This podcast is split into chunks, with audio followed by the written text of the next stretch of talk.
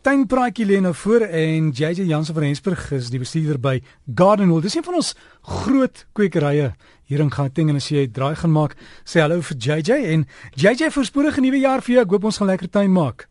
Janie Vraggie steer ek definitief baie baie dankie self vir jou self vir ons luisteraars.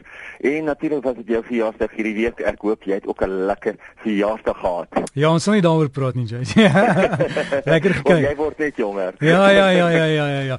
JJ ek het 'n paar boodskappe gekry. Hier iemand gevra die cat's claw dis daai indringer rankplant dit kan maklik oorneem. Hoe doen 'n mens om daai ding uh, te uit te uit te roei, né? En die ander een is iemand het gesê hulle het 'n broodboom wat 'n kleintjie maak, kan hulle die kleintjie losmaak en plant.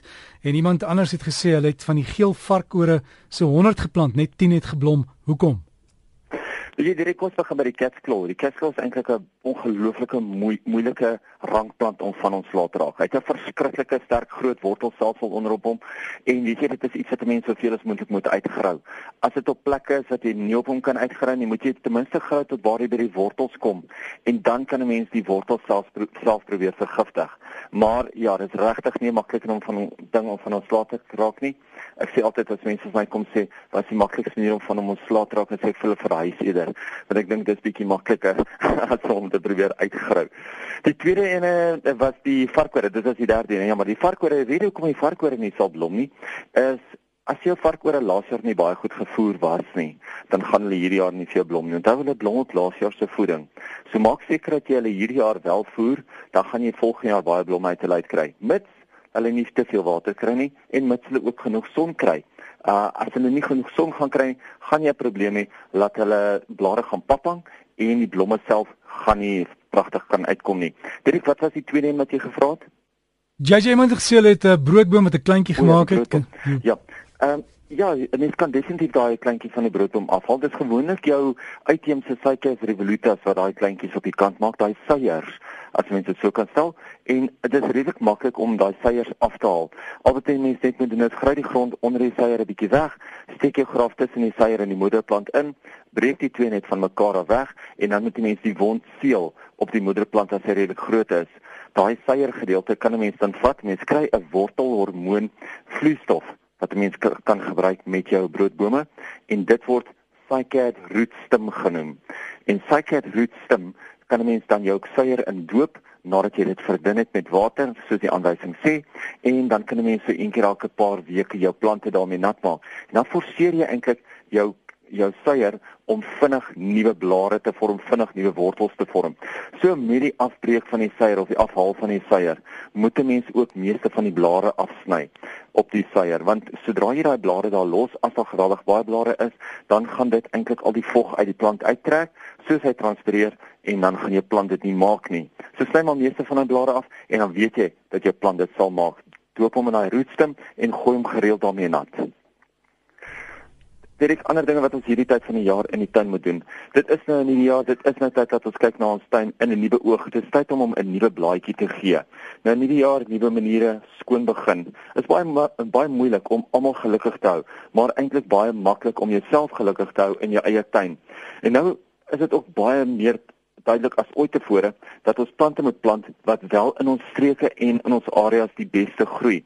Ek praat net toevallig van al hierdie hitte wat nou deesdae verbykom. En weet jy, is so soveel hitte wat in ons rigting kom dat ons net nie weet wat watter kant om te gaan nie. Wanneer moet ons nat maak? Hoeveel moet ons nat maak? Hoe gereeld moet ons nat maak? Waar het ons gemis? En weet jy, dit gaan nou maar net so wees vir die volgende maand, 2, 3 maande totdat hierdie hitte regtig verby is. Ons weet nie wanneer hierdie hitte gaan ophou nie. Ons sal maar hoor wat sê die weervoorspellers, maar ek dink hy gaan nog 'n ruk lank met ons wees. En ongelukkig maak dit ons tuin maak baie moeilik baie interessant. So ons moet baie meer attent wees op dit waar die plante seer kry, dit waar die plante brand en dit waar ons meer aandag moet gee. Onthou, dit is net jy het daai plant daar geplant en totdat daai plant nie goed gevestig is nie, is dit jou verantwoordelikheid om seker te maak dat daai plant wel gaan oorleef. As daar iets in jou tuin is, nou met die skoon blaadjie waarvan ek praat, waarvan jy nie hou in jou tuin nie, raak daarvan ontslaa. Het sy of dit nou 'n plant is wat nie wil floreer nie, het sy of dit nou potte is, het sy of dit nou 'n bedding is, raak daarvan ontslaa en kyk hoe kan jy jou tuin verander om dit vir jou makliker, beter, mooier en meer persoonlik te maak Daar baie mense is baie keer bang om ietsie nuuts in hulle tuin te probeer omdat hulle dink dit nie noodwendig gaan werk nie, omdat hulle dit nog nooit ergens gesien het nie. Maar weet jy wat? 'n Tuin is ietsie waarmee jy kan speel. Dit is soos 'n skoon doek waarop 'n mens verf en as jy nie gelukkig is nie, kan 'n mens tot tomate weer oorbegin of plante skuif of wat ook al. Onthou net hierdie tyd van jaar wil ons nie te veel plante skuif nie, veral nou met hierdie hitte, wil ons probeer om dit maar eerder in die wintermaande te doen. Toevallig deesdae wat ook baie goed doen is in die saailinge is die Afrikanertjies. Hierdie jaar is hulle besonder mooi, die eisterkruid en ook die winkas.